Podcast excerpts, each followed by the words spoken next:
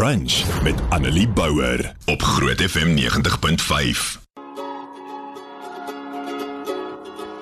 So dis baie interessant uh, want die stuk waaroor ek vandag in Spreek Lewe wil praat pas perfek by wat Ruben vanoggend op die groot breakfast gedeel het uh, en ek gaan bietjie later daarby uitkom maar ons kyk vandag uh, in ehm um, opvolg van verlede week se spreeklewe bietjie na Matteus 7 en Lukas 11. So verlede week het ons gepraat oor uh ons as gelowiges wat veronderstel is om Jesus se hande en voete te wees op aarde. En ons is veronderstel om God en Jesus se genade met ander mense te deel. En ek was nog so ontstel want ek het gesê ek kan dit nie sien as ek na sosiale media kommentare kyk nie. Ek kan nie sien dat ons nie oordeel nie. Ek kan nie sien dat ons as gelowiges uh nie mense sleg sê en ongenadig is nie. Ons ons is veronderstel om genadig te wees. Ons is veronderstel om vir Jesus se liefde te wys want ons verdien dit ook nie.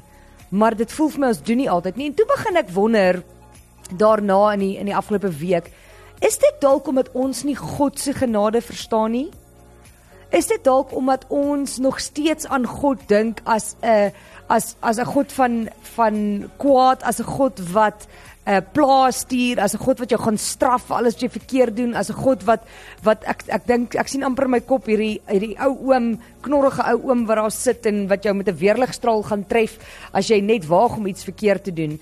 Want dis al hoekom ek kan dink ons as gelowiges so sal optree. Ek kan nie in my in my brein en in my hart en in my lewe maak dit nie vir my sin dat as jy God se genade het en regtig verstaan en in 'n verhouding met God is, jy dit nie presies so met ander sal deel nie.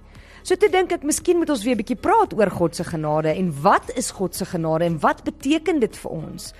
So as jy maar na Matteus 7 kyk, dan dan verduidelik dit dit so mooi. Dit gebruik nie noodwendig die woord genade nie en ek dink ons gebruik hierdie baie keer uh hierdie twee verse as 'n stuk om te sê dat God vir ons fisies sal sorg.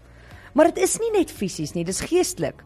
So Matteus 7 vers 7 tot 11 sê: "Vra en vir julle sal gegee word, soek en julle sal kry, klop en vir julle sal oopgemaak word, want elkeen wat vra, ontvang, elkeen wat soek, kry en elkeen wat klop, sal vooroopgemaak word. En dan vra Jesus vir sy disippels: "Watter mens onder julle sal vir sy seun 'n klip gee as hy brood vra of 'n slang as hy vis vra? As julle wat sleg is, dan weet hoe om vir julle kinders goeie dinge te gee, hoeveel te meer sal julle Vader wat in die hemel is, goeie gawes gee aan die wat dit van hom vra." En dieselfde in Lukas 11, dit sê basies presies dieselfde. Lukas 11 vers 9 uh, eh, sê ek sê vir julle vra en vir julle sal gegee word, soek en julle sal kry, klop en vir julle sal oopgemaak word. Elkeen wat vra ontvang, elkeen wat soek kry en vir elkeen wat klop sal oopgemaak word. En dan vra Jesus daar ook: Is daar 'n pa onder julle wat as sy seun vir hom 'n vis vra, vir hom 'n slang sal gee in plaas van die vis? Of as hy 'n eier vra, vir hom 'n skorpioen sal gee? En dan de, vers 13 sê as julle wat sleg is dan weet om vir julle kinders goeie dinge te gee. Die Vader in die hemel weet nog baie meer. Hy sal die Heilige Gees gee vir die wat vra. En as jy dan uh in 'n verhouding met God staan en die uh, pastoor Matthys wat gister hier was vir ons het beter ons het van lig af bietjie gepraat en hy sê toe hy kom baie keer agter daar's 'n verskil tussen jou hart vir die Here gee en jou lewe vir die Here gee. En mens begin baie keer eers deur jou hart vir die Here te gee want jy wil glo en jy wil uh, gered word en jy wil in 'n verhouding met hom staan. En jy wil geseënd wees. Maar om jou lewe vir die Here te gee is iets heeltemal anders. Om jou lewe vir die Here te gee beteken ja, jy het jou hart vir die Here gegee. Maar nou werk jy aan daardie verhouding met God. Nou leer jy hom ken as jou Vader van genade wat sy seun gestuur het om te sterf sodat jy kan lewe. En as jy in 'n verhouding met God staan en regtig werk aan daai verhouding en God beter en beter leer ken, dan ervaar jy sy liefde, sy genade, sy vrede baie meer as sy woede, sy sy straf. Ja, natuurlik is daar gevolge aan dade. Maar is nie noodwendig God wat jou straf nie. Daar's gevolge aan dade want dis hoe die lewe werk. As jy as 'n tiener swanger word, is daai babietjie die gevolge van dit wat gebeur het tussen 'n uh, seun en 'n meisie. Dis nie noodwendig 'n slegte ding nie, maar dit gaan meer verantwoordelikheid op 'n baie vroeër ouderdom op daai kinders sit. Dis nou 'n baie harsh voorbeeld, maar net om jou 'n idee te gee. As jy gedrink het, al is jy nie eers 'n alkolikus nie, as jy gedrink het, al het jy een bier gedrink en jy ry iemand raak of jy kom in 'n ongeluk, gaan daar gevolge wees. Jy gaan jou waarskynlik aangekla word. Jy gaan in die hof moet verskyn en dit gaan 'n baie moeilike tyd wees, maar jy gaan nie alleen wees nie. Dis nie straf net nie, dis gevolge van jou dade as 'n sondige mens. Of kan ek net sê as 'n mens?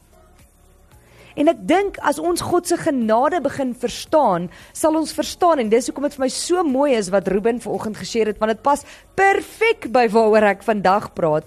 En uh, Ruben het dit vanoggend op die groot breakfast gesê as jy dit gemis het, gaan kyk op ons Facebook.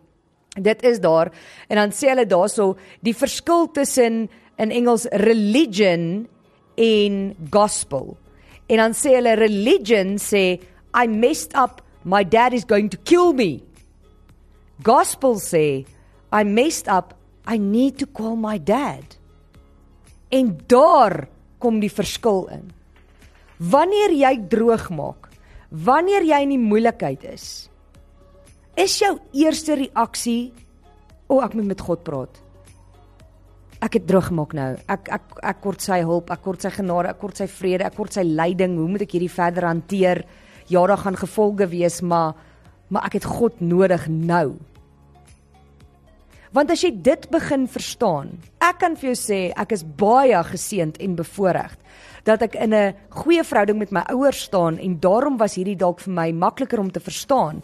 Want as ek in die moeilikheid is, maak nie saak wat nie. Ek weet hulle gaan dalk kwaad wees, ek weet hulle gaan dalk teleurgesteld wees, ek weet hulle gaan hartseer wees, maar my eerste oproep is my ouers of my boetie. Maar ja, dis dis dis my eerste oproep. Kan jy dieselfde sê van jou verhouding met God en jou verhouding met jou kinders? Is jou eerste oproep God? Wanneer jy droog maak of wanneer jy in die moeilikheid is of probeer jy wegkruip en dink, "Ag, oh, die Here, nou gaan ek gestraf word. Hierdie is de, ek moet wegkruip. Ek moet hier wegkom. Ek moet God vir my."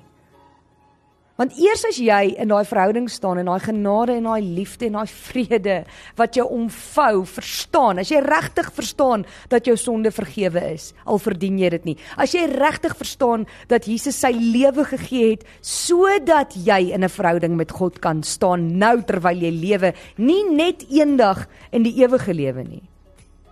As jy dit regtig verstaan, dink ek gaan ons as gelowiges baie meer genadig wees teenoor ander mense met wie ons te doen kry of as hulle nou ken of nie. Ons gaan verstaan dat hulle dalk nog nie vir God ken nie. Ons gaan verstaan dat dalk is hulle 'n uh, gelowige, maar hulle verstaan nie hierdie konsep van genade nie. Hulle voel nog daai skuldgevoelens en daai bang en daai vrees plaas van daai genade en liefde en vrede. As ons daar kan kom, dink dit hoe kan ons hierdie wêreld verander? So verlede week het ek gesê, ons as gelowiges is veronderstel om God se genade en liefde met ander te deel, selfs al is hulle nie gelowig nie, selfs al stem ons nie met hulle saam nie, selfs al is dit iemand vir wie ons lief is of iemand wat ons glad nie ken nie. Maar nou vandag sê ek vir jou, dit gaan beteken jy moet aan jou verhouding met God werk, want as jy nie self daai genade verstaan en ervaar nie, staan nie 'n manier wat jy dit met ander kan deel nie. Annelie Bouwer. Weekoggend tussen 9 en 12 op Groot FM 90.5.